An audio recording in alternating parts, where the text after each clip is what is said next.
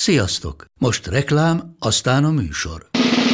A műsor, valamint az élményekkel teli utazások, személyre szabott ajánlatok és állandó kedvezmények támogatója a Molmove hűségprogram. Nyisd meg a Molmove appot, a profilodba belépve add meg a Pogi promóciós kódot, és tankolj Molevo és Evo Plus üzemanyagjainkból 15 forint per liter kedvezménnyel. Ne feledd, a Pogi promókóddal most még jobban megéri Molmove tagnak lenni. Vége a reklámnak, jön a műsor.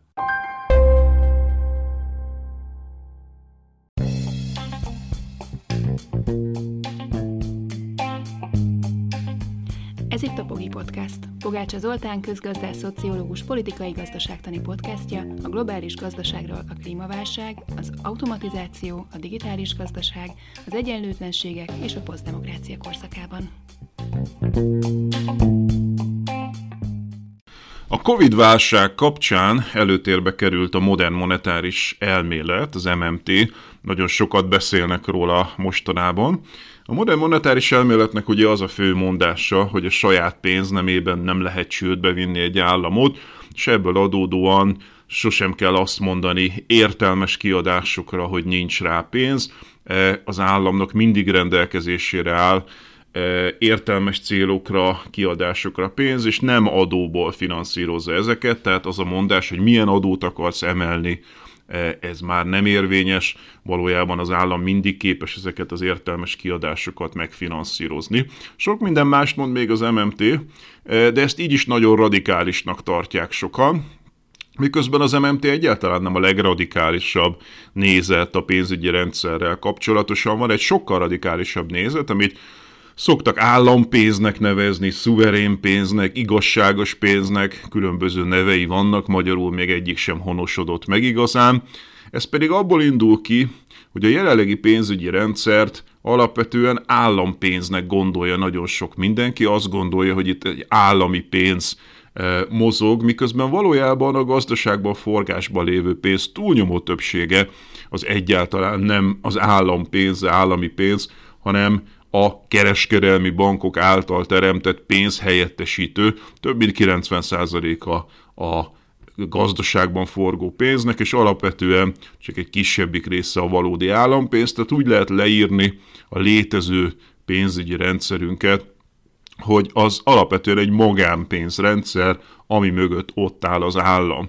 És ez a szuverén pénz elmélet, vagy igazságos pénz, állampénz elmélet, ez ezen szeretne változtatni, és azt szeretné, hogyha az állam visszavenni a e, pénz teremtés jogát teljes egészében a kereskedelmi bankoktól, mert a kereskedelmi bankok sok szempontból károsak, ráerősítenek a buborékokra, ráerősítenek a válságokra, és alapvetően a kamat miatt egy folyamatos növekedési kényszerben van a gazdaság, és hát ez ugye nyilvánvalóan a klímaváltozás korszakában nem tesz jót. Ehhez is ehhez hasonló kérdésekről lesz szó a mai beszélgetésben, ami az MMT-t, a modern monetáris elméletet ütközteti a szuverén pénzelmélettel. A mostani alkalommal a modern monetáris elméletről, illetve az állami pénzrendszerről, szuverén pénzrendszerről, közpénzrendszerről beszélünk, ez az utóbbi három, ez mindegy e, elméletet takar, csak különböző nevei vannak még egyelőre kialakulatlan, hogy magyarul hogy fogjuk majd ezt hívni. És ennek a két elméletnek, ami mind a kettő alapvetően a pénzügyi rendszer e, kívánatos működésével kapcsolatos közgazdasági elméletek. Szóval, hogy ennek a két elméletnek a megbeszéléséhez, e, összehasonlításához vendégül hívtam a mai beszélgetésbe Bexli Zoltánt és Jobb Márkot. Köszönöm szépen, hogy elfogadtátok a meghívást. Minden, mindjárt bemutatom a, az urakat. Alapvetően mind a ketten külföldön működnek. Ez szerintem sokat mond arról, hogy Magyarországon ezek a gondolatok alapvetően még eléggé hát gyerekcipőben járnak, és még csak talán most kezdenek igazából ezzel a Covid vírussal eh, elterjedni, főleg a, a modern monetáris elméletről lehetett az utóbbi pár hónapban többet hallani Magyarországon, eh, a, a közpénzrendszerről talán még mindig keveset, de szerintem nagyon árulkodó, hogy Bexley Zoltán Ausztráliában aktív, és az ottani modern monetáris elmélet hát mozgalomnak tulajdonképpen aktív tagja, míg Jobb Márk, bár nagy rész Magyarországon él, de ő pedig svéd és svájci állampolgár, és alapvetően a svájci közpénzrendszer mozgalomnak az aktív tagja hosszú idő óta, népszavazások kezdeményezője, stb. Tehát mind a két úr Magyarországon kívül fejtette ki főleg az aktív tevékenységét, bár nem csak. Én azt beszéltem meg velük, hogy első körben Zolit kérnem meg arra, hogy a modern monetáris elméletet foglalja össze. Mondjuk ez egy nagyon nehéz kérés, hiszen azt mondtam neki, hogy olyan 10-15 percben kellene egy rendkívül bonyolult elméletet összefoglalnia, úgyhogy először ő következni, és akkor utána majd Márkot kérem meg arra, hogy akkor azt mondja, hogy ehhez képest mennyivel több, vagy mennyivel más a szuverén pénzrendszer, közpénzrendszer, állami pénzrendszer, úgyhogy ha, ha, ha megfelel nektek, akkor ezzel indítanánk. Zoli, kérlek, akkor először te meséld el, hogy szerinted a, a modern monetáris elméletet hogyan lehet röviden és egyszerűen összefoglalni. A modern monetáris elmélet az alapjában véve egy heterodox makrogazdasági keret. Én egy lencsének szerettem nevezni, mert ez egy olyan dolog, amin keresztül meg lehet figyelni dolgokat, de nem egy valós valami, nem egy, nem egy törvényszerű uh, uh, filozófia, hanem a gazdaságban a történő pénzügyrendszerben történő dolgokat lehet megfigyelni, és különböző következtetéseket lehet levonni. Ezen a lencsén keresztül, pont ugyanúgy, mint ahogy egy, egy ortodox lencsén keresztül lehet, ugye ez, lehet nem ugyanezeket, hanem ellen, a, alapjában véve ellentétes következtetéseket levonni. A modern monetáris elméletnek a, a az alapvető vitája ott kezdődik, hogy a pénznek a fogalmát másképpen a, értelmezi az ortodox is, és általában a köz, az ortodox rendszer és, a, és általában a közvélemény. Körülnéztem egy kicsit az interneten a magyar meghatározások után nézegetni, hogy mik is a, a pénznek a, a pénz fogalmának a meghatározásai, és akkor olyan dolgokat láttam, hogy egy csereeszköz, egy értékmérő, egy fizetési eszköz, egy felhalmozási érték megőrző eszköz. Ebben, ebben nagyjából uh, vége is van a, a pénz fogalmának a kifejtése. A legfontosabbat szerintem elfelejtették, vagy szándékosan nem rakták oda, és, és pedig szerintem, a, és nem csak szerintem a, a, a modern monetáris elmélet kifejlesztői szerint is, és antropológusok szerint is, a pénz ad, a, eredetéből következtetve, következve egy adósságinstrumentum, egy adósságtörlesztési eszköz és egy elszámolási egység. A, az ortodox a neoklasszikus közgazdaság szerint a pénz az kifejlődött egy, egy ilyen cseregazdaság, árucseregazdaság eredményeképpen, egyszerűsítéseképpen és fejlesztéseképpen.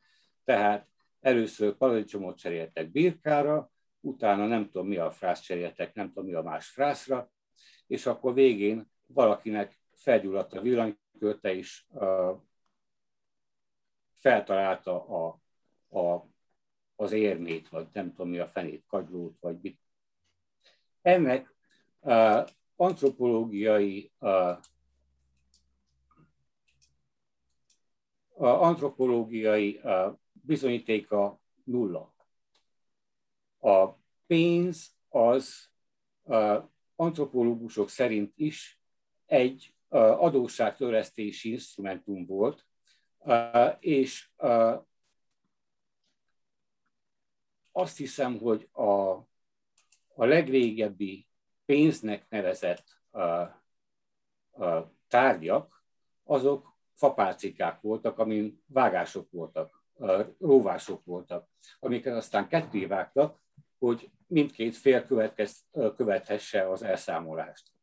És ezeket, a, ezeket az adósság pálcikákat, ezeket minden esetben egy olyan valaki adta ki, aki uh, meg tudta adóztatni a népességet.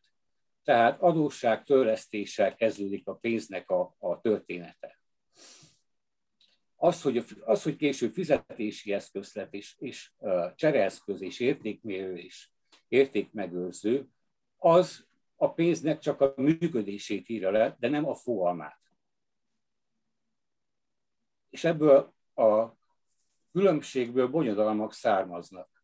Tehát a, a közhit szerint a pénz az egy véges tárgy, és a feladata, a, a feladata az, hogy a, a, különböző tranzakciókat bonyolítsanak le a, a gazdaságon belül a, a különböző szereplők.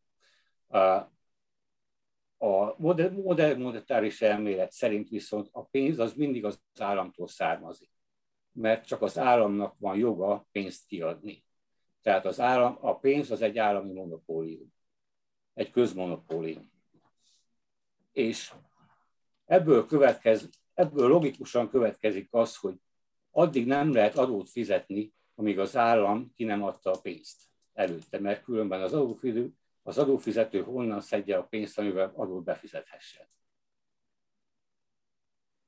Ebből logikusan az is következik, hogy a, az államnak nincsen szüksége a magánszektor adó a fizetésére ahhoz, hogy költekezzen. Mert lévén, hogy monopolista, monopolista kiadó, nincsen szüksége arra, hogy valakitől beszedje a pénzt, és utána abból gazdálkodjon. A másik vitája a, az, a modern monetáris elméletnek az a központi bank, mint intézmény függetlenségéről szól. És megnéztem a, a magyar kormányportálon, a Magyar Nemzeti Bank egy független intézmény, sem a kormánytól, sem az országgyűléstől, sem pedig bármilyen más szertől utasítást nem fogadhat el. A, viszont az, a Magyar Nemzeti Bank tevékenysége feletti ellenőrző szervek azok az állami számvevőszék és az országgyűlés. Az állami számvevőszék az szintén egy állami intézmény, lévén, hogy a, a, az elnökét és a tagságát az országgyűlés szavazza meg. Ugyanígy a, a magyar állami kincstárat is önálló jogi személyiséggel rendelkező országos határkörön állandóan működő önállóan működő gazdálkodás és közhatalmi szerv. Tehát ez is önálló, meg az is önálló, és nem lehet tudni akkor, hogy ki ellenőriz kit, és a pénz honnan származik. A modern monetáris elmélet szerint a, pénz, a, pénzt azt az állam adja ki, és a, a Nemzeti Bank, illetve a jegybank és a kincstár azok a kormány a alárendeltjei minden esetben. Olyan nincsen, hogy egy államilag kiadott fizetést a Nemzeti Bank megtagadna kifizetni. Tehát az államnak nincsen szüksége az adózásra ahhoz, hogy költekezzen. Mikor az ez egy 5 fontos brit bankjegy, és amikor az állam adót fizet, ez történik. Nincsen szüksége az államnak a elnézést a, a trükkért, nincsen szüksége az államnak a, arra a pénzre, amit az adófizetők befizetnek. Viszont, ha megnézzük a, akár egy bankért, és megnézte egy magyar bank egyet, a négy a aláírás van rajta. Abból az egyik a, a Magyar Nemzeti Bank elnökéjé, és a másik három az pedig a, a bank, bank három alelnökéjé. Tehát innen is láthatjuk, hogy kinek a felelőssége az, kit terhel az a pénz, amit használunk. Amikor, a, amikor, a, amikor az állam adót beszed, pénzt semmisít meg, illetve a saját a kötelezettségét semmisíti meg. Tehát amikor az állam pénzt költ, akkor a, a akkor az a pénz, az, amit, amit az állam költ, az őt terheli a, a könyvelés szempontjából.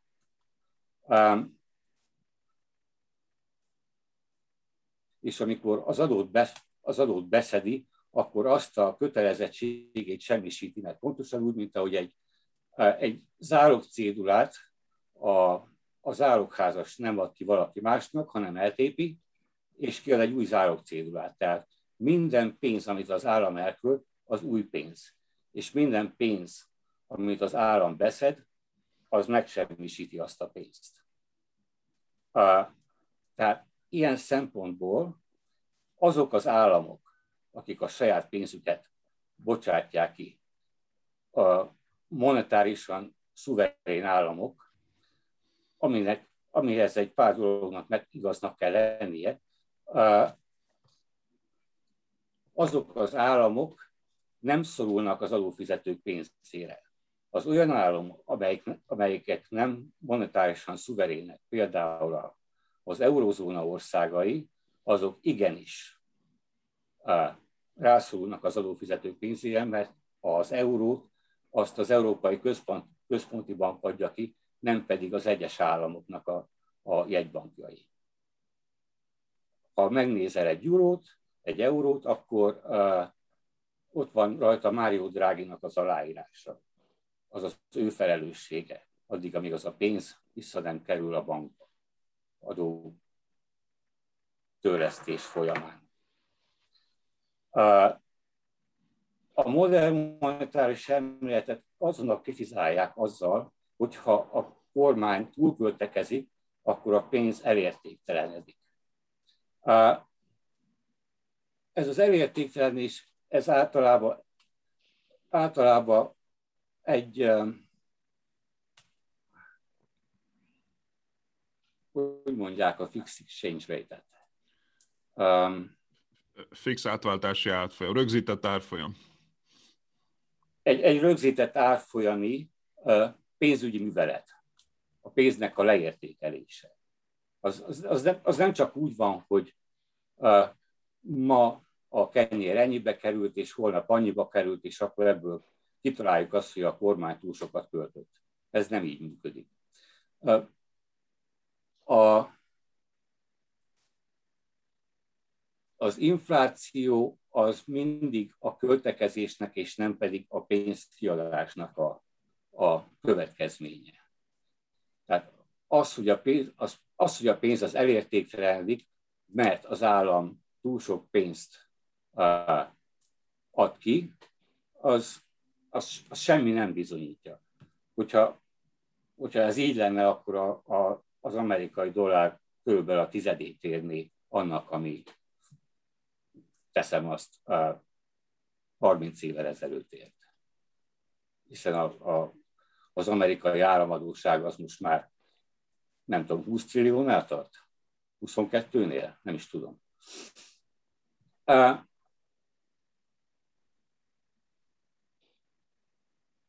A költekezésnek mindig a, a meglevő erőforrások a határai.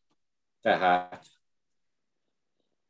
az árak akkor kezdenek el emelkedni, amikor verseny alakul ki a különböző valós erőforrásokért, mint például föld, vagy élelem, vagy energia, vagy munkaerő.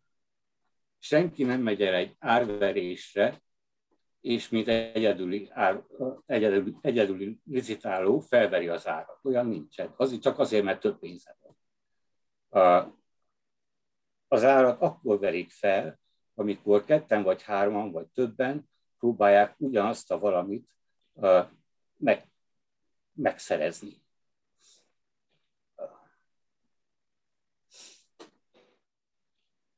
Nem tudom még mit mondjak a modern. Jó, Ennek volt valami értelme? De abszolút, szerintem első körben ez egy jó bevezető volt. Szerintem most akkor csináljuk azt, hogy Márkehez képest elmondja a, a szuverén, vagy közösségi pénzelmélet, közpénzelméletet, és akkor utána innen haladunk tovább. Márk, akkor tiéd a szó. Köszönöm.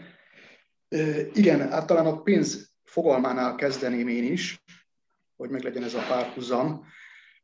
Ugye a pénzt nem csupán adósságként lehet értelmezni, nyilván ez is egy módja, de a pénzt lehet úgy is tekinteni, hogy egy értékhordozó jel. Tehát akár érme vagy digitális jel is lehet, mint a bitcoin, ugye az nem adósságként kerül forgalomba, hanem egyszerűen egy jel, aminek az emberek társadalmi szinten, közösségi szinten értéket tulajdonítanak, működik, használják, és akkor ugye meg is van ez az érték. Én a, az MMT-t és az állami pénzrendszert, pénzrendszer között fennálló különbséget egy hasonlattal szemléltetném, így első lépésben.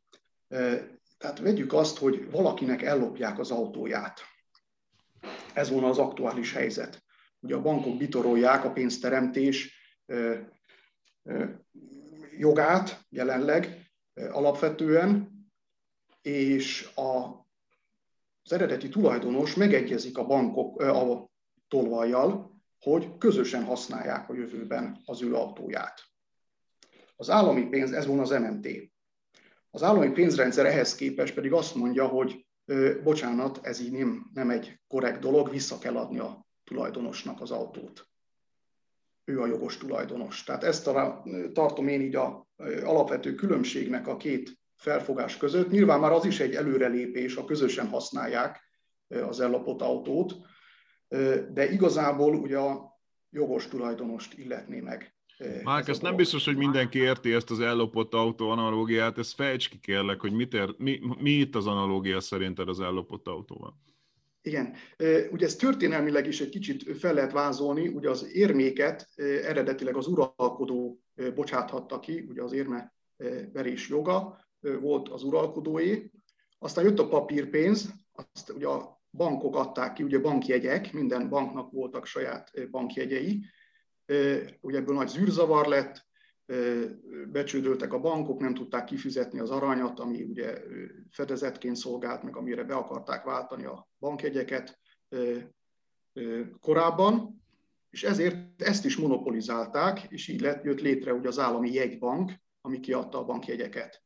És a technológiai fejlődésnek köszönhetően néhány évtizede ugye számlapénz jött létre, és digitális, komputerekben létező pénz jött létre, és manapság ugye a bankok ezt majdnem szabadon teremthetik bizonyos feltételek mellett.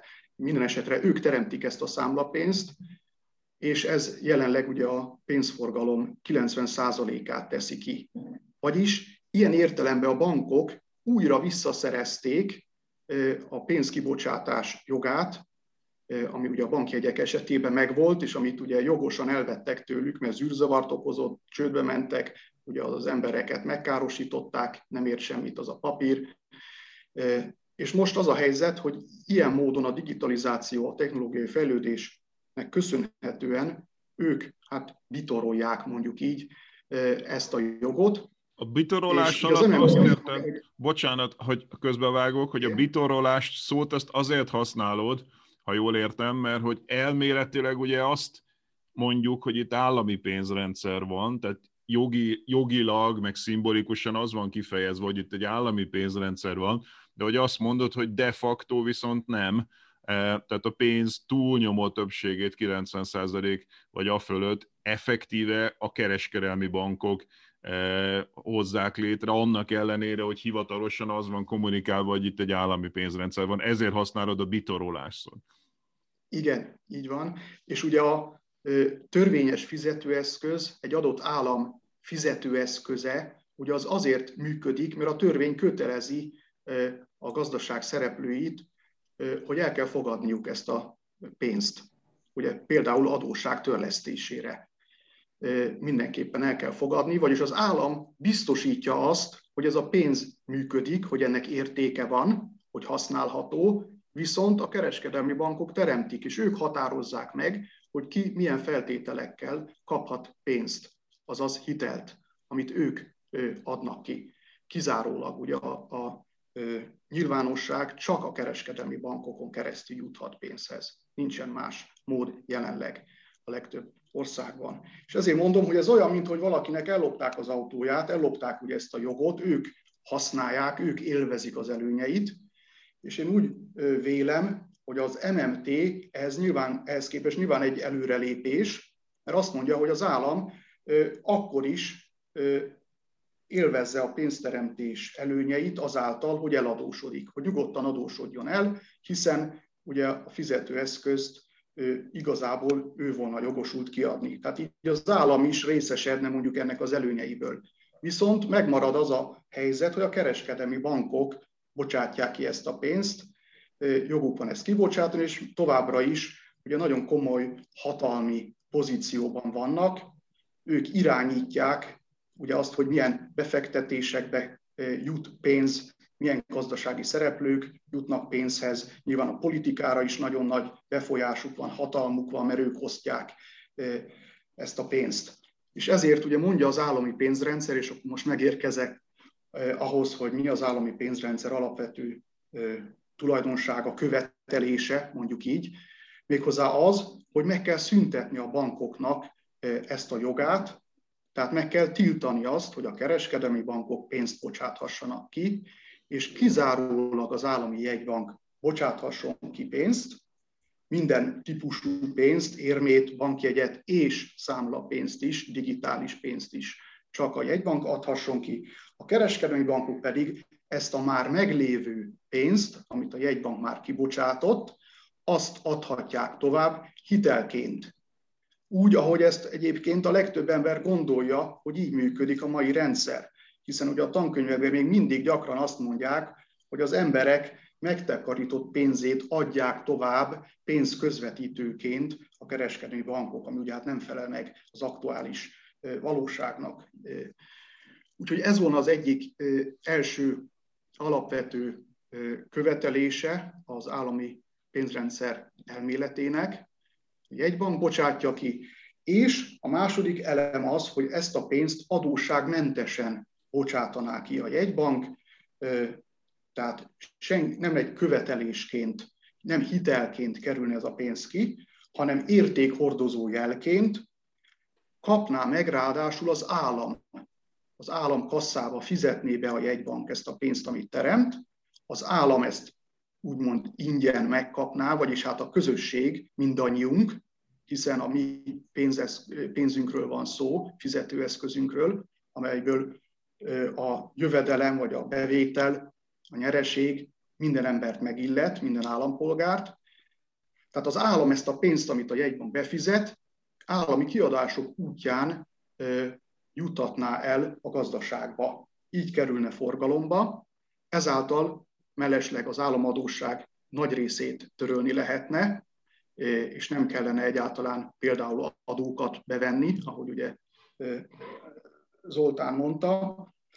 Ugye itt teljes egyetértés van az állami pénzrendszer és az MMT között. És a bankok ugye utána ezt a pénzt begyűjthetik, azáltal, hogy betéteket fogadnak, megtakarításokat fogadnak, és ezt közvetíthetik aztán tovább azoknak a gazdasági szereplőknek, akiknek pénzre van szükségük. Igen, tehát egy nagyon fontos elem itt az, hogy külön válik az adósság és a pénz teremtés, tehát úgy lehet növelni a pénz mennyiséget a gazdaságban, a társadalomban, hogy nem növekszik az adósság. És ez egy nagyon fontos elem, hiszen tudjuk, hogy jelenleg is egekben van az államadóság globálisan, Ugye az elmúlt években, itt a, elsősorban a 2008-as gazdasági válság után meredeken emelkedett az állam adósság, de a magánszemélyek, vállalatok adóssága is nagyon emelkedett az elmúlt időben, és hát ez természetesen ugye a csőd kockázatával jár, számos szereplő a csőd szélén áll, és már csak ilyen akár jegybanki támogatással működik, mint a pénzügyi szereplők, bankok jelenleg. És hát ezt a igen áldatlan állapotot lehetne ezzel megszüntetni, ami azzal is jár, ez az óriási adósság, hogy kamatot kell fizetni. Még akkor is, ha jelenleg ugye éppen azért, hogy a helyzetet valahogy tűrhetővé tegyék, fenntarthatóvá tegyék, legalábbis rövid távon, ugye nagyon levitték a kamatokat a jegybankok, hogy nem menjenek csődbe az államok, illetve a versenyszféra szereplői. De hát ezzel csak úgymond elodázták a problémát, enyhítették a, a szimptomákat, de ugye az alapvető probléma továbbra is az adósság.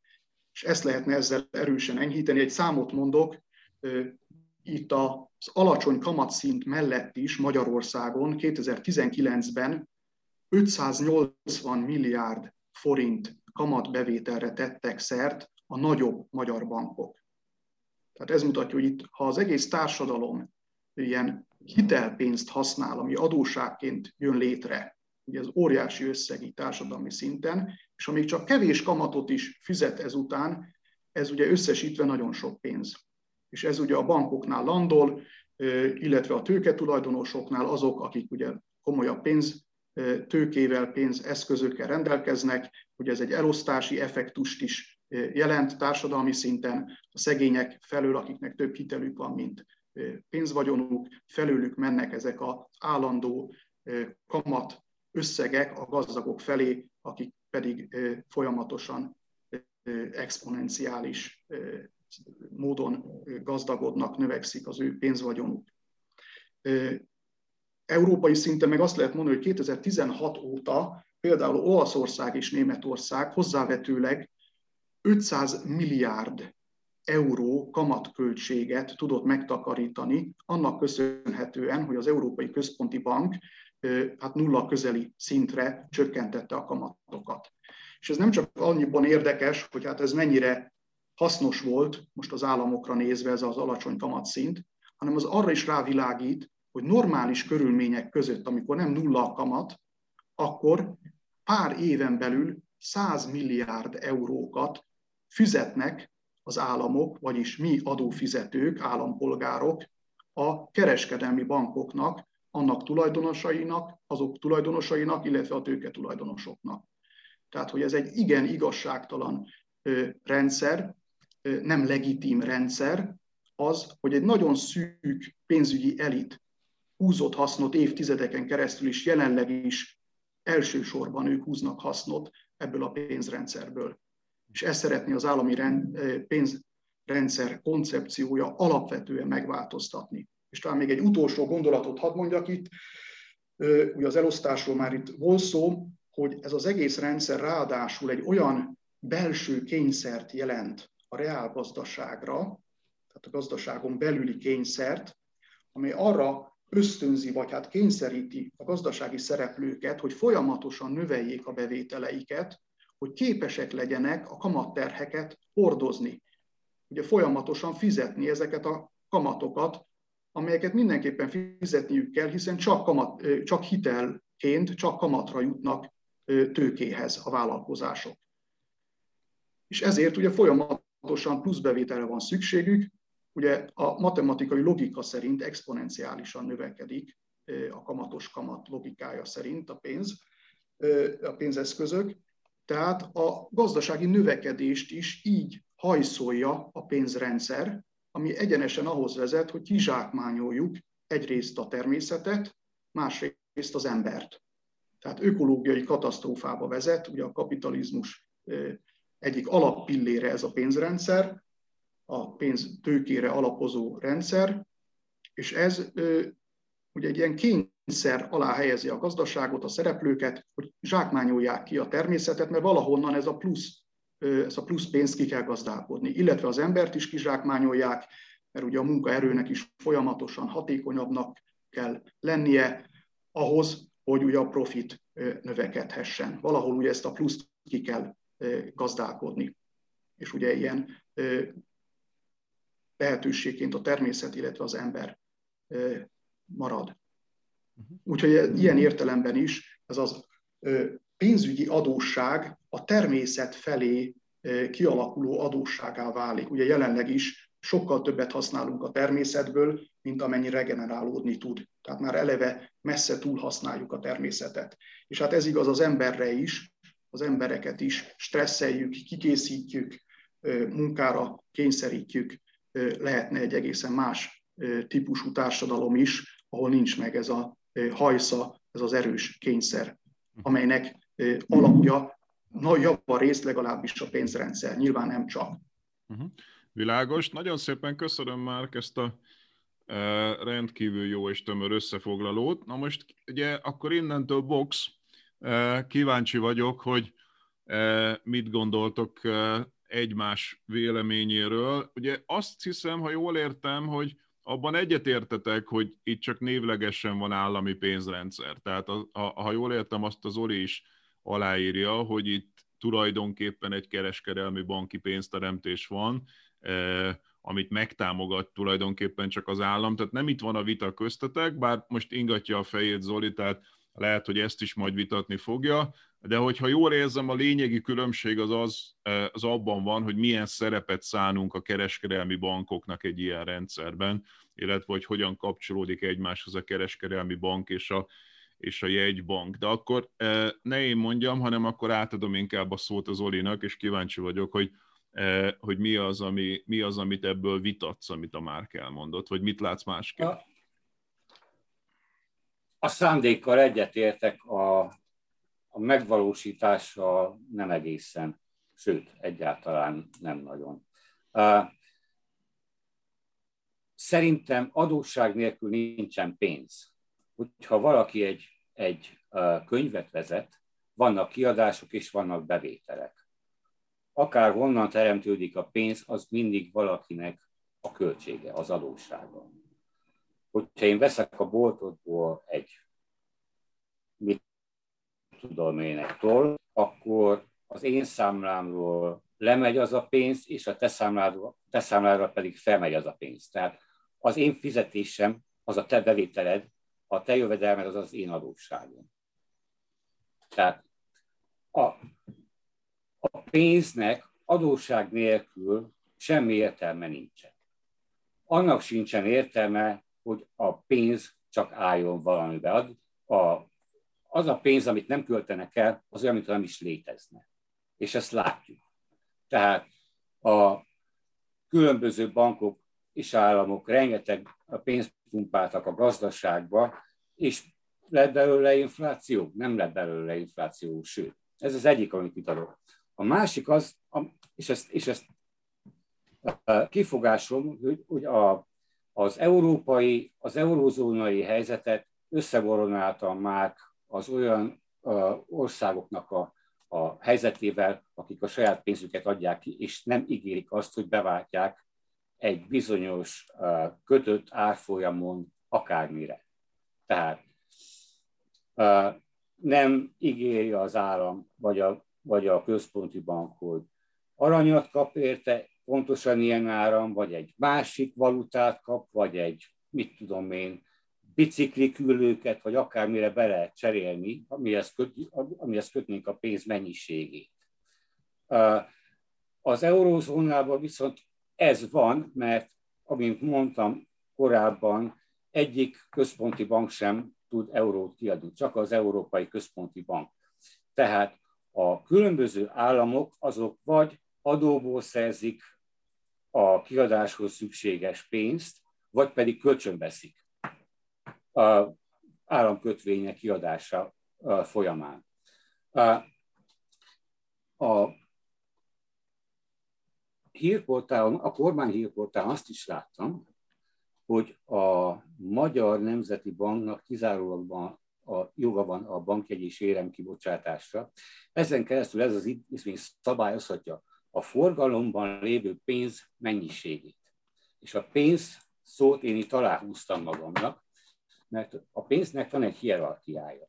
Nem minden pénz egyforma. Tehát a legalján van az, a, az az adós levél, amit én odaadok a kocsmárosnak, amikor záróra után kiugrott, és uh, nem volt pénz a zsebemben, hogy majd holnap megad. A pénz az egy megadó. A következő uh, foka létrán az például egy uh, utalvány, ami, aminek talán nagyobb a lehetősége, hogy több ember elfogadja, nem csak ez az egy valaki, akinek én az adósságtörlesztést megígértem. A létre a következő foka például a, a hitelpénz, amit a bankok adnak ki, mikor hiteleznek. De az még mindig nem állami pénz. A bankok azok a saját, uh, hogy mondod, hogy álljon, uh, Tartozáslevél? Tehát az a saját adósságlevelüket adják ki. Egyik bank se fogadja el a másik banknak a pénzét. Történelmileg se fogadták el csak bizonyos feltételek mellett, és, most, és a mai napig is csak az állami pénzt, amit a jegybank ad ki, csak azt fogadják el. Tehát nem lehet azt mondani, hogy minden pénzt, pénzt a bankok adnak ki, vagy 90%-át a bankok adják ki. Mert állami pénz nélkül bankrendszer nincsen. Ja, akkor reagálok először is a, ugye a pénz fogalma. Az kétségtelen, hogy pénz, mint adósság, ennek ugye történelmi gyökerei is vannak, hogy így került pénzforgalomba, tehát adós levélként, ez kétségtelen, és hát a, a jelenleg elterjedt ugye kettős könyvelés is erre a logikára épül, de ez egyáltalán nem szükségszerű, és ugye történelmileg is vannak ellenpéldák, például az aranyérmék, nemesfém érmék, azok ugye nem adósságként kerültek forgalomba, hanem egészen konkrétan, fizikailag hordozták az értéket, ugye a nemesfém tartalom által. Noha nyilván volt gyakran különbség a, a nemesfém értéke és a névleges érték között, de mégis ugye a logika szerint maguk hordozták, önmagukba hordozták az értéküket, és ez a mai világban is megmutatkozik, és azt is látjuk, hogy működőképes így is a pénzrendszer. Pont a bitcoin egy példa erre, ami értékhordozó jel, és nem adósságként jött létre, tehát senki se vállalt valami adósságot, nem zálogosítottak el semmit, nincsen mögötte ingatlan vagyon, vagy bármiféle vagyon, hanem egyszerűen a közmegegyezés alapján jön létre, azáltal, hogy emberek értéket tulajdonítanak neki. Ugyanúgy, ahogy igazából a papírpénz is, meg a mai érmék is azáltal hordoznak értéket, hogy működik, hogy az emberek elfogadják, ami mögött egyébként a törvény van elsősorban. A törvény biztosítja azt, hogy ez fizetőeszköz. Nyilván annyiban igazad van Zoltán, hogy a bankok, amikor hitelt nyújtanak, akkor fedezetet követelnek. Tehát a legkevesebb esetben van az, hogy anélkül adnának, egyébként nagy vállalatok anélkül is kapnak, de alapvetően a gazdasági szereplőknek valamiféle fedezetet, valami biztosítékot kell nyújtaniuk a bankoknak. És ilyen értelemben azt lehet mondani, hogy a bankok szerepe a gazdaságban az, hogy vagyontárgyak fedezetére teremtenek új pénzt. Itt se ugye a megtakarításokat adják tovább, hanem ugye a meglévő vagyonnak megfelelően képesek hitelezni. De mondom, ennek semmiféle törvényszerűsége nincs, hogy ennek így kell maradnia, sőt azt látjuk, hogy ez nagyon problematikus, ez a hitelpénz, az, hogy a pénz adósságként kerül forgalomba. És igazából egyfajta ilyen piramis játéká válik így a rendszer. A másik dolog pedig a különböző pénzek, ugye a jegybank is teremthet pénzt, ugye a készpénz és az érmék azok ugye törvényes fizetőeszközt testesítenek meg, míg a banki számlapénz, ahogy mondtad, ugye az a bankoknak a magánpénze igazából nem is törvényes fizetőeszköz, tehát a bankban tartott pénzünk igazából nem forint itt Magyarországon, hanem a forintra szóló ígérete a banknak, hogy majd forintot ad nekünk, ha kérünk. De igazából a bankok is jelenleg egy ilyen magánpénzt teremtenek, úgy, mint akár a kriptovaluták. Nem törvényes fizetőeszköz, és hát ha látjuk, hogy hogyan halad előre a digitalizáció, és szorul vissza a készpénz használat, amit a kereskedelmi bankok előre is mozdítanak, ugye próbálják visszaszorítani minden, minél inkább a készpénz használatot, ugye büntetik, nagyon drága készpénzt felvenni, és ugye nagyon népszerűsítik a, bankkártyákat, az elektronikus fizetőeszközöket, és ez pontosan azért van, mert ugye ezt a pénzt maguk tudják teremteni, a számlapénzt, az elektronikus számlapénzt, míg a készpénzt azt ugye a jegybanktól kell megszerezniük, és a számukra is költséggel jár, noha jelenleg éppen ugye nagyon alacsonyak a kamatok, de mégis plusz költséget jelent a bankrendszer számára. És az, hogy a jegybank a készpénz teremtéssel, vagy akár a jegybank pénz teremtéssel, ugye nem csak készpénzként létezik törvényes fizetőeszköz, hanem elektronikus módon is létezik törvényes fizetőeszköz, az viszont csupán a kereskedelmi bankok számára hozzáférhető, illetve más pénzügyi szereplők számára. Ugye mi, sima állampolgárok vagy vállalkozások csak készpénzben tudunk törvényes fizetőeszközt tartani. Ha elektronikusan úton akarjuk tartani a pénzünket, akkor csak a bankok számlapénze marad, ami ugye magánpénz, pénzhelyettesítő. A bankok viszont nyithatnak számlát a jegybanknál. És ott a jegybanki számlájukon törvényes fizetőeszközt tarthatnak elektronikus, digitális formában. De ez a bankok privilégiuma. Csak ők tarthatnak ilyen módon pénzt jelenleg. Ugye jelenleg nincsen digitális jegybankpénz a közönség, a nyilvánosság számára. Tehát ez is mutatja ezt a privilégiumot a bankszektor számára, illetve ezt az egyenlőtlenséget, hogy máshogy más státuszuk, máshogy kezelik a pénzügyi szereplőket, mint a sima állampolgárokat, a jegybankok, más jogaik vannak. És igazából ugye jelenleg ez egy mitosz, hogy a jegybank valóban közvetlenül irányítani tudja a pénzmennyiséget.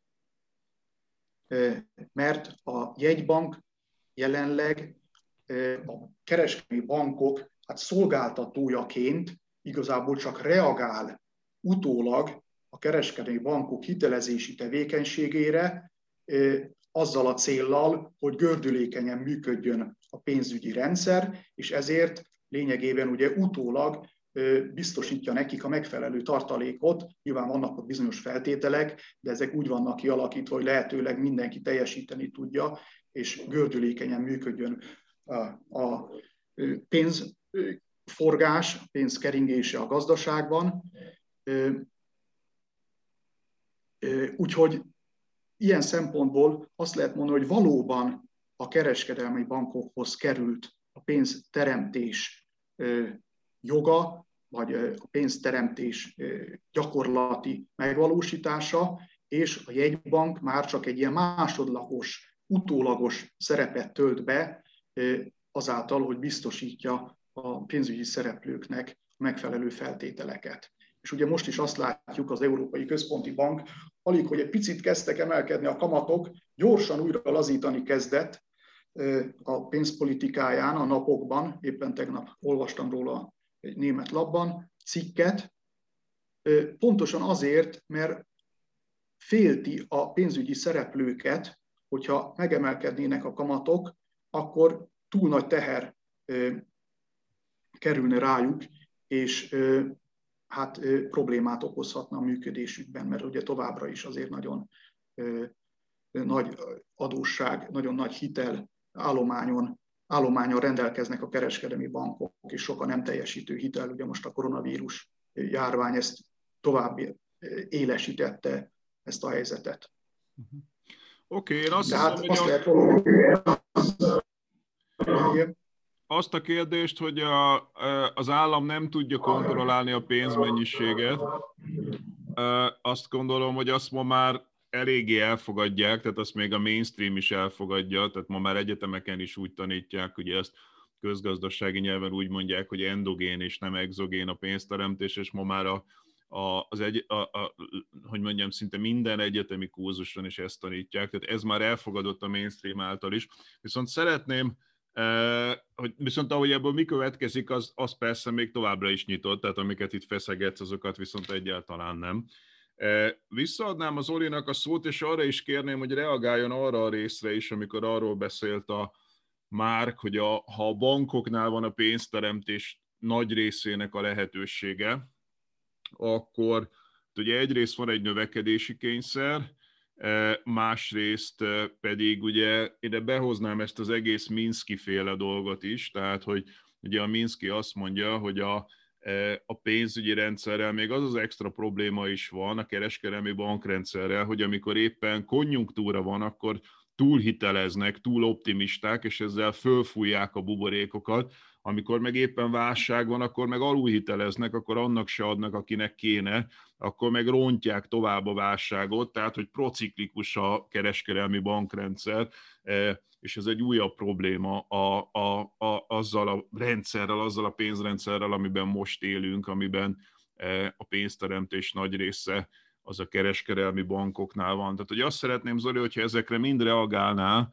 a márk felvetéseire is, meg erre a növekedési kényszer, meg ez az egész prociklicitása a kereskedelmi bankrendszernek. Persze. Egyébként Herman Minsky mondott még valamit, ami pont olyan fontos, hogy pénzt akárki elfogadhat, illetve kiadhat, de elfogadtatni az a nehéz dolog. És megint ott tartunk, a pénz hierarchiára megyek vissza, térek vissza, hogy a bank által kiadott hitelpénznek nagyon kevés köze van az állami pénzhez. Az nem olyan uh, fontosságú pénz, mint az állami pénz, mint a jegybank által kiadott pénz. És a a, megint az, az eurózónára való kitérést, azt, azt, azt nehezményezem. No, de a másik dolog, amit akartam mondani, az a, az a bitcoin, amire azt mondtad, hogy lehet pénzt kiadni úgy is, hogy nem adósság á, á, útján kerül forgalomba. Csak persze a bitcoin is egy olyan pénz, mint, az, mint egy akármilyen másik pénz, amit valakinek el kell fogadni. Nem egy nem egy törvényes fizetőeszköz, és főleg nem lehet vele adót fizetni. Az állam csak a saját tartozását, csak a saját adósságát fogadja el a, a adó, a adó formájában. Bocsánat, Zoli, akkor mondhatjuk azt, hogy a bitcoin az nem is pénz tulajdonképpen? A pénz olyan formán, mint mit tudom én, egy, egy rakás telefon, hogyha azt elfogadják fizetőeszköznek, akkor lehet pénz, de uh-huh. mint olyan nem pénz. A bitcoin az nem pénz. Szerintem a bitcoin az csak egy, az csak egy uh, jutalom egy, egy matematikai uh, feladvány megfejtésére. Annyi. Uh, a másik, ami a pénzérnél a pénzérmékkel kapcsolatos, a pénzérmékben nem az arany és nem a nemesfém a pénz, mint hogy a papírban se a papír a pénz, hanem a pecsét. A, a kiadónak, mindig a kiadónak a pecsétje, a feje, az arcmása van rajta. És azt mindig azért adják ki úgy, hogy csak azt fogadhassák el, illetve csak azt fogadják el adófizetés fejében. Az, hogy a bankok kölcsönöznek fedezet, és fedezetet követelnek, ez így is van, meg nem így is van. Például a hitelkártyára semmilyen fedezetet nem adnak, csak egy valamit úgy bírálják el, hogy a, az ügyfél, a, aki a kölcsönt felvette, az fizetőképes, és a, a kölcsönt az szervírozni fogja.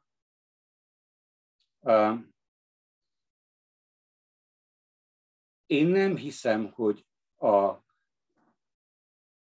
törvényesen a, a, a kereskedelmi bankok teljesen elbitorolták a, a pénzkiadás jogát. Az állam akkor költ és annyit költ, amennyit akar.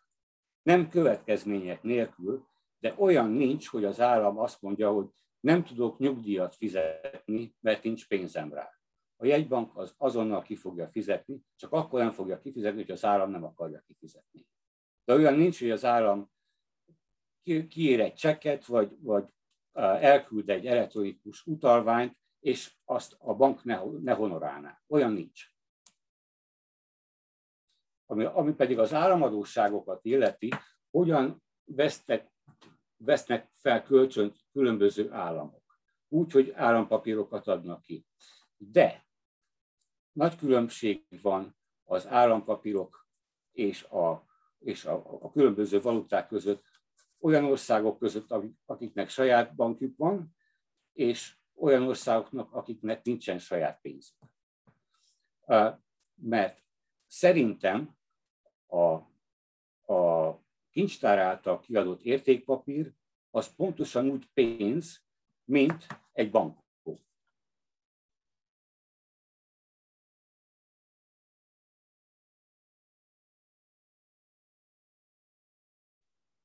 Van, minek egy kibocsátója legyen, kell egy névértéke legyen, és a kibocsátó meg kell ígérje azt, hogy azt a pénzt elfogadja fizetés fejébe.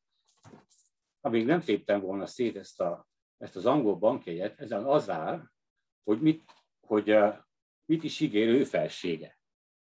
I promise the bearer to pay the, the sum of five pounds. Mit ígér a, a, a királynő? Az, hogy az öt fontos bankjegyre ad egy másikat. Annyit. Olyan nincs, hogy a, az angol nemzeti bank, vagy a magyar nemzeti bank kifogjon akár fontból, akár vagy, vagy forintból. Nem létezik. És a másik dolog pedig az, hogy a, a jegybank az annak a működési szabályai meg se közelítik a a kereskedelmi bankokra kiszabott szabályozásokat. Például egy jegybank működhet negatív tőkével is.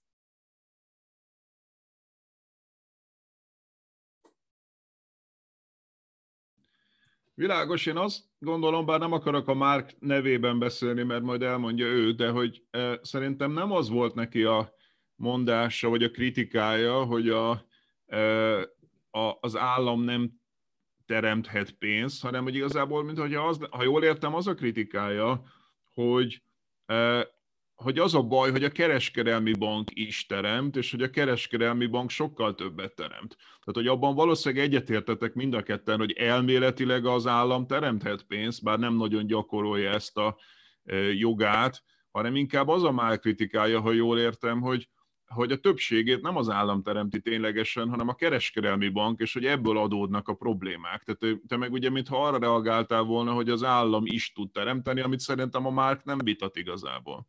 Jól értem már? Mondhatok még valamit ezzel kapcsolatban? Persze, akkor Zoli először, aztán Márk, bocsánat. Elnézést már.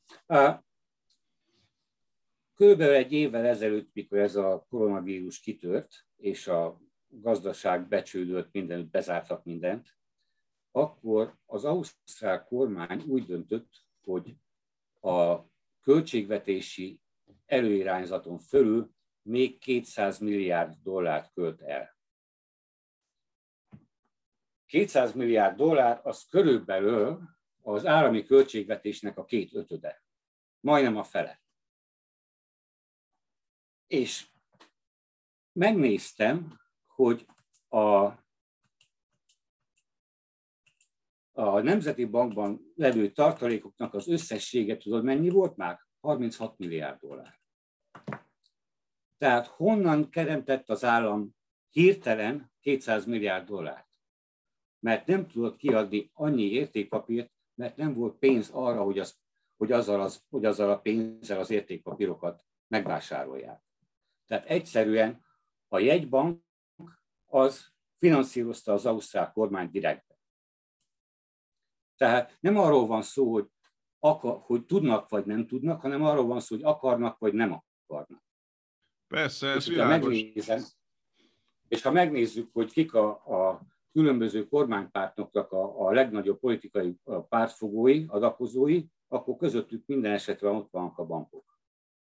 Világos, ez egyáltalán nem e, vita szerintem köztetek, hogy hogy, hogy akarás kérdése és nem képesség kérdése, de jól értem már, hogy igazából te, a te kritikádnak a lényegi része az az, hogy az a probléma, hogy a, a kereskedelmi bankok is tudnak, tehát nem, az a, nem abban van a vita köztetek, hogy ha, akarná, ha akar, akkor az állam is tud, hanem a probléma az, hogy te a, a kereskedelmi bankokét korlátoznád, jól értem? Igen, ugye az állami pénzrendszer teljesen tiltaná a kereskedelmi bankok pénzteremtését. Ugye ez azért egy alapvető különbség az MMT és az állami pénzrendszer között, mert az MMT nem tiltaná, hanem azt mondaná, hogy hát az állam is teremtsen, hogy ne kelljen adót szedni, és hát nyugodtan teremtsen, nyugodtan adósodjon el.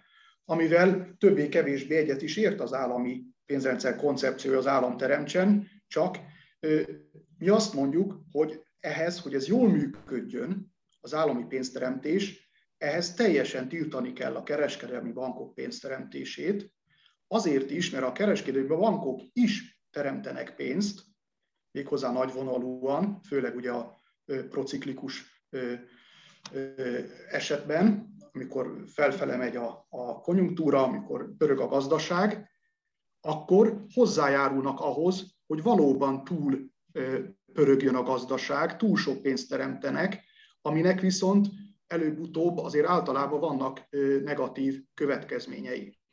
Tehát ugye itt beszéltünk az inflációról, illetve Zoli említette az inflációt. Ugye látjuk azt, hogy az aktuális környezetben nem igen alakul ki a fogyasztói áraknál infláció, viszont egyúttal azt is látjuk, hogy a befektetési eszközöknél egyre inkább alakulnak ki árbuborékok, tehát ugye az is egy flajta infláció, csak nem a fogyasztói árak, hanem a befektetési eszközöknél.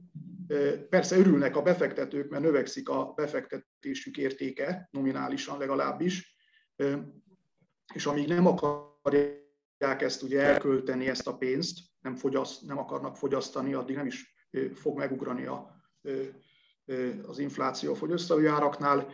Viszont ez a veszély mindenképpen kialakul, és ugye ameddig nincs teljes kontroll a pénzteremtés felett az állami jegybanknál, illetve magánál az államnál, addig ugye ez egy állandó veszély marad, hogy a kereskedelmi bankok azáltal, hogy túl sok pénzt teremtenek, igazából az állam pénzteremtését lehetetlenítik el, mert ha még az állam is szeretne sok pénzt teremteni, akkor már tényleg sok lesz.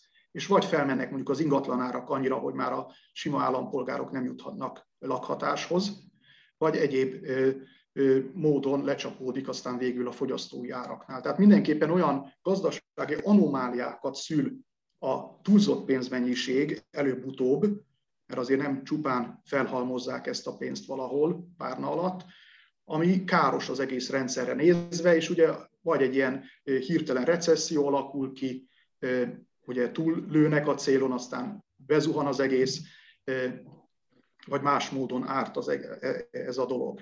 Hadd adjam vissza most a szót akkor az Olinak, mert szerintem én nagyon kíváncsi vagyok, hogy mit mond erre. Tehát én ezt egy elég valid kritikának érzem az MMT-vel szemben, hogy ugye az állam pénzt teremt, költ ugye fiskális oldalon értelmes célokra, de közben ott zakatol alatta, vagy mellette, vagy fölötte ki tudja, hogy mi a jó szó itt a, a kereskedelmi bankrendszer. És a kereskedelmi bankrendszer is hitelez, és hát ugye az MMT-nek az a alapvetően inflációs korlátja van.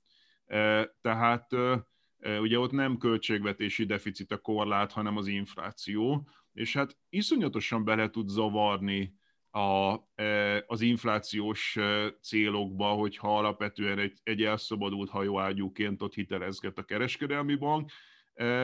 Plusz, hogyha ugye nem növekedésben gondolkodunk, amihez egyre inkább gondolkodnunk kell, én azt gondolom, hogyha ha a fenntarthatóságot komolyan vesszük, akkor ugye a másik ilyen nagyon valid kritika az az, amit mondott a, már korábban, hogy, hogy itt egy növekedési kényszerre van a bankrendszernek azáltal, hogy ki kell termelnie a, a kamatot. Szóval erre a kettőre szeretném, ha reagálnál, Zoli. Rendben van. A, magánadó, a magánadóság növekedése az minden esetben, nem majdnem minden esetben, hanem minden esetben a, az állami költségvetés hiányát bizonyítja. Tehát azt, felejti, azt felejtette el megjegyezni már, hogy amikor az állam költ, akkor azt valaki meg is kapja. Tehát, hogyha az állam rendel, nem tudom, hat tankot meg 50 rendőrt, akkor azt a pénzt az 50 rendőr meg a tankgyártó vagy a tank eladó megkapta. Azok, az, azok a, a magánszektori, magánszektorbeli aktorok, azok nem fognak hitelt felvenni a banktól, hogyha valaki más készpénzzel fizet a portékájukért.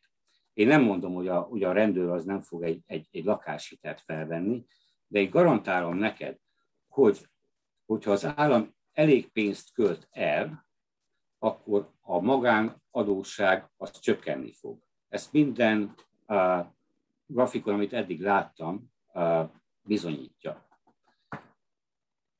legalábbis magyarázza. A, mi volt a másik, amire... Bocsánat, ez azért van, mert ugye azt mondod, hogy uh, ezt mondd el még egyszer, mert én nem vagyok biztos benne, hogy ezt értem. Tehát, hogy az állam vesz valamit, mondjuk, mit tudom én, mondjuk kifizet 50 rendőrt. Ez hogyan csökkenti a kereskedelmi bankrendszernek a hitelező képességét? Minél több állami pénz forog a gazdaságban, annál kevesebb szükség van a hitelnek a felvételére. Az állami pénz az egyetlen pénz, ami nem kerül semmibe annak, aki megkapja. Tehát, ha a bank ad ki pénzt, akkor azt kamatra adja ki. Ha az államtól kapsz, egy, egy, az államtól kapsz fizetést, azt arra neked nem kell kamatot fizetni, az a te pénzed. Na azt értem, csak nem biztos, hogy és... ugyanoda érkezik a gazdaságba. Tehát, hogy azt én értem, hogyha a rendőröknek fizetést ad az állam, akkor ezzel ugye több pénz van a gazdaságban, és magának a rendőrnek nem kell adott esetben eh, hitelt felvenni a banktól. De ettől még mondjuk egy rendkívül kártékony, mit tudom én, környezetromboló beruházásra máshol egy gazdasági szereplő simán fölvehet a, a banktól, kereskedelmi banktól pénzt. És ha jól értem, a Márk ezt akarja korlátozni, e, és ezt nem nagyon tudja korlátozni a, a, a, az, hogy egyébként a rendőrnek több pénzt juttattál, és ő valóban nem szorul hitelfelvételre. Ez, ez, abba, abban én egyetértek. Csak én azt akartam kihangsúlyozni, hogy a, az állam költségvetés elégtelensége az növeli a magánszektornak az adósságát. Uh-huh. Oké, okay. uh, bocsánat, Márk.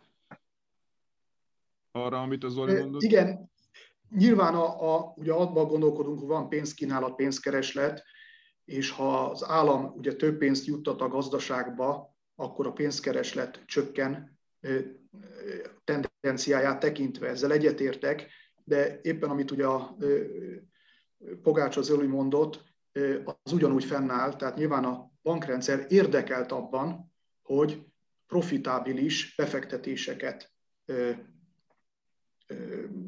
teljesítsen, valósítson meg, és ezért ugye látjuk is, hogy csak nem végtelen a fantáziájuk a befektetési bankoknak, hogy miből lehetne még pénzt csinálni. És ezt továbbra is meg fogják tenni, ha nincsenek korlátok. Úgyhogy én is azt gondolom, hogy sajnos ezzel én egyetértek, hogy tendenciálisan kevesebb hitelre van szükség, viszont a kereskedelmi bankok ettől függetlenül bőven fognak hitelezni olyan projekteket, uh-huh. amelyek minden tekintetben károsak. A szögezzük le, Márk, hogy ugye te nem megszüntetni akarod a kereskedelmi bankokat, tehát ugye felmerülhet a hallgatóba egy olyan, hogy te tulajdonképpen valami kommunizmust akarsz itt bevezetni, és csak állami pénzlenc, meg is szokott fogalmazódni egyébként az ilyen típusú elképzelésekkel szemben. Szinte biztos, hogy az egyik első kommentelő nagy cinikusan be fogja írni, hogy akkor itt most Stálin vissza. De itt szó nincs arról, hogy te megszüntetnéd a kereskedelmi bankokat, csak alapvetően a, a hitelezési logikájukat akarod átalakítani, igaz? Igen, és ugye nem is a megszüntetni, hanem nem is államosítani. Tehát a kereskedelmi bankok megmaradnak a versenyszféra magántulajdonban lévő szereplőiként, és a összegyűjtött, begyűjtött betétekből szabadon hitelezhetnek piaci feltételek szerint. Tehát ez nagyon fontos, hogy igazából azt szeretnénk megvalósítani, amit sok helyen tanítanak is. Tehát, hogy összegyűjthetnek pénzt, és abból a meglévő, valóban meglévő pénzből hitelezhetnek tovább. Azt nem biztos, hogy mindenki érti, hogy ez ma miért nem így van. Tehát ugye tényleg ezt tanítják közgazdasági képzéseken, hogy a betétekből hitelez a, a bank. De te azt állítod, hogy ez nem így van. Miért nem így van? Hát ezt még ráadásul tudományos publikáció is bizonyítja, hogy a bank, amikor hitelez, akkor pénzt teremt, úgymond a semmiből. Hát nyilván ugye megvannak a feltételek, tehát működtetni kell a bankot, meg kell felelni az előírásoknak, kell egy minimális tartalék, és így tovább. De alapvetően semmi másra nincs szüksége, de nincs szüksége más tőkére ahhoz, hogy pénzt teremtsen, hanem ugye a kettős könyvelés logikája szerint megteremti a hitelt a eszközoldalon, és forrás oldalon pedig betétet teremt. Tehát növekedik a mérleg főösszeg.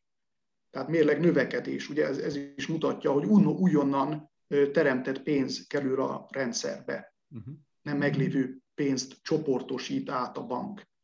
Hát ez nagyon fontos ezt, ezt tudni, hogy itt ugye téves, ahogy jelenleg leírják a, a bankrendszer működését. Uh-huh. Uh, Oké, okay. na most 10 percünk van még a beszélgetésből, úgyhogy egy utolsó kört szeretnék mind a kettőtöktől kérni. E, először az Zoli mondja el, ami még beleszorult, és nem, mond, nem tudta elmondani, és utána akkor majd a márkkal fejezzük be. Zoli. A kereskedelmi bankokat minden esetben az állam szabályozza. Az állam, az állam írja elő azt, hogy mennyi tőkével és milyen formájú tőkével kell rendelkezzenek, kinek adhatnak kölcsönt és kinek nem. Például terrorizmusnak, terroristáknak nem adhat kölcsön egy bank se, legalábbis közvetlenül. Amúgy uh, szoktak egyébként rendszeresen. Ja, persze, persze. Uh, de alapjában véve az állam az előírja, hogy a bankok milyen körülmények között teremthetnek pénzt, ezt, ezzel már is egyetért. És szerintem a megoldás az nem feltétlenül az, hogy a, a bankok pénzteremtését felszámoljuk, hanem egyszerűen szabályozunk őket. Komolyabban. A, a 20-as évek végén, amikor a, kitölt a nagy gazdasági válság, akkor az Egyesült Államokban bevezettek egy Glass-Steagall nevezetű törvényt, ami például megtiltotta a bankoknak, hogy spekulációra adjanak hitelt. Tehát ketté választották a, a, az úgynevezett a kishitelező bankokat, akik, mit tudom én, építkezésre adtak kölcsönt, vagy mit tudom én, lóvásárlásra, vagy akármire. Nem pedig, és, és ketté elválasztották a befektető bankoktól. És ezt szerintem meg kéne, meg kéne csinálni, ennek a, ennek a modern változatát meg kéne csinálni. Azon felül pedig a, a, úgy, úgy, ahogy a, a jegybank nem tudja ellenőrizni a pénznek a mennyiségét, és, és most megint tartunk, hogy mit tartunk pénznek, és mit nem tartunk pénznek.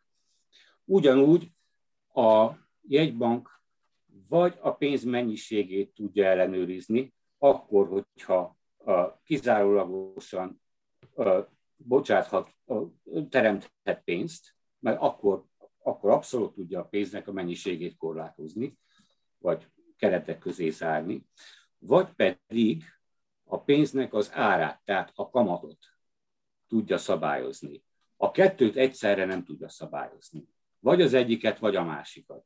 Tehát, hogyha azt mondjuk, hogy a 100%-os tartalékbankolást vezetünk be, akkor a jegybank nem tudja a kamatokat szabályozni. Azt, a saját, azt, az, egyed, azt az egyedi kerbankok fogják megmondani, hogy kikapat mennyiért kölcsön.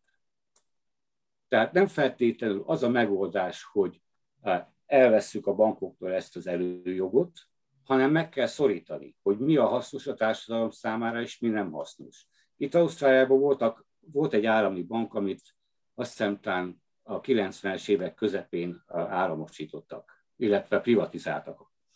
És az a bank annak idején egy bizonyos alsó korlátot nyomott a bankok alá, hogy ennyi, ennyi lehet a, a, a kamaton a nyereség, mert ha nem, akkor a, a kliens az állami bankhoz megy felvenni, aminek különben nem kell profitot termelnie sem. És megvan adva, hogy, hogy a, a, a, a standard hogy kinek, hogyan, mennyiért adnak pénzt, azt egyszerűen meg lehet, meg lehet szabályozni a törvényhozással is, és konkurenciával is. Ehhez nem kell a, a bankoknak a, a, a pénz teremtési jogát a, elvenni. Korlátozni kell, minden további nélkül. Világos. Oké. Okay. És akkor a végén Márk, ami még belét szorult. Igen, hát erre reagálnék, amit Bexli Zoltán éppen mondott. Ugye nekem az a felfogásom, és az állami pénzrendszer képviselőinek, hogy ugye alapvetően el van hibázva a jelenlegi pénzrendszer, és nem szerencsés egy alapvetően rossz rendszert nagyon sok szabályozással igyekezni valahogy úgy helyre görbíteni, hogy azért még úgy működjön, ne legyen túl káros. Tehát mi azt gondoljuk, hogy jobb lenne egy huszárvágással, mondjuk így, tiszta és jó alapokat biztosítani, tehát egy igazságos, legitim, fenntartható, gazdaságilag, ökológiailag, társadalmilag fenntartható rendszert létrehozni, és amely viszonylag kevés szabályozással, plusz szabályozással képes valóban jól működni. Tehát, hogy jobb lenne itten tiszta alapokat, jó alapokat létrehozni, ez a felfogásunk. Nyilván a jelenlegi politikai erőviszonyokat ismerve azt kell mondani, hogy erre viszonylag kevés az esély. Egyébként pontosan azért, mert a kereskedelmi bankoknak túl nagy a hatalma. Pont azért, ahogy te is mondtad, Zoltán, ugye, hogy a pártokat is finanszírozzák, és ez is épp rávilágít arra, hogy itt ezt az egész helyzetet kéne tisztázni. Mert azért tudnak finanszírozni pártokat, mert ilyen a rendszer. De amíg finanszírozzák, addig ilyen is marad, mert a politikusok a zsebükben vannak, hát most nyilván többé-kevésbé, és ugye megfelelő lobby tevékenységgel megakadályozzák ezeket az alapvető reformokat. Hát ide egy, egy ilyen demokratikus mozgalom kéne, ugye egy ilyen szociális, demokratikus, ökológiai mozgalom, ami azt mondja, hogy akkor is meg kell ezt valósítani, mert ezt kívánja a nép, ez a nép érdeke. Zoli jelezte, hogy egy utolsó utánit is szeretne. Két, két rövid gondolat. Az egyik az az, hogy miért nem a politikai, a pénz, politikai pártok pénzelését tiltjuk be, hogy ne fogadhassanak el pénzt. Nem csak a bankoktól, nem, hanem a különböző bányacégektől, monopolistáktól, stb., akik végül is nem csak a bankrendszert, hanem az egész, nem, nem csak a bankrendszerre, hanem az egész gazdaságra rányomják a bélyegüket. És a másik dolog, amit akartam volna mondani, az MMT, a, a, a modern monetáris elméletre gyakran ráfogják, hogy a, a bankok zsebeibe vannak. Nem, én nem vagyok bank, bankpárti egyáltalán, és hogyha holnap tönkre menne az összes bank, nem mennék el a temetésükre legfeljebb örülni. De az nem jelenti azt, hogy bizonyos körülmények között egy kereskedelmi bank ne működhessen. Illetve, hogyha pedig a digitális állami, digitális állami pénzt vezetünk be, akkor a kereskedelmi bankokra nagyjából semmi szükség nincsen.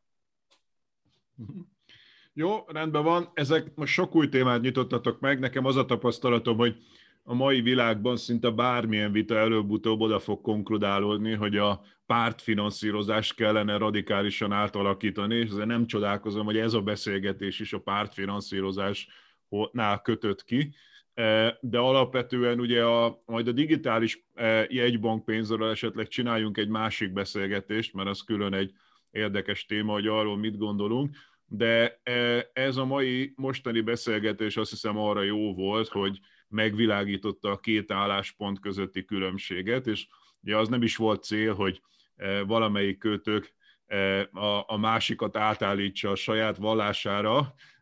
Én azt gondolom, hogy megfér egymás mellett ez a két vallás, de talán a hallgatónak a, azt világossá tette, hogy mi a különbség a, egy oldalról a modern monetáris elmélet, a másik oldalról pedig az állampénz, eh, közpénz vagy szuverén pénznek nevezett másik elképzelés között. Úgyhogy én nagyon szépen köszönöm mind a kettőtöknek. Ez egy igazi globális beszélgetés volt, hiszen Zoli Ausztráliából kapcsolódott be, Márk pedig Európából. Úgyhogy az, hogy össze tudtuk ezt hozni így időben, E, és hogy készek voltatok arra, hogy ezt ilyen e, kedvesen és civilizáltan e, megosszátok velünk. Én ezt nagyon szépen köszönöm, és, és csak annyit tudok ígérni, hogy folytatjuk. Köszi szépen! Nagyon köszönöm. köszönöm én is. Köszönjük. És végtelen tisztelet mind a kettőtöknek. Neked is, sziasztok! Neked is, szervusztok! Sziasztok!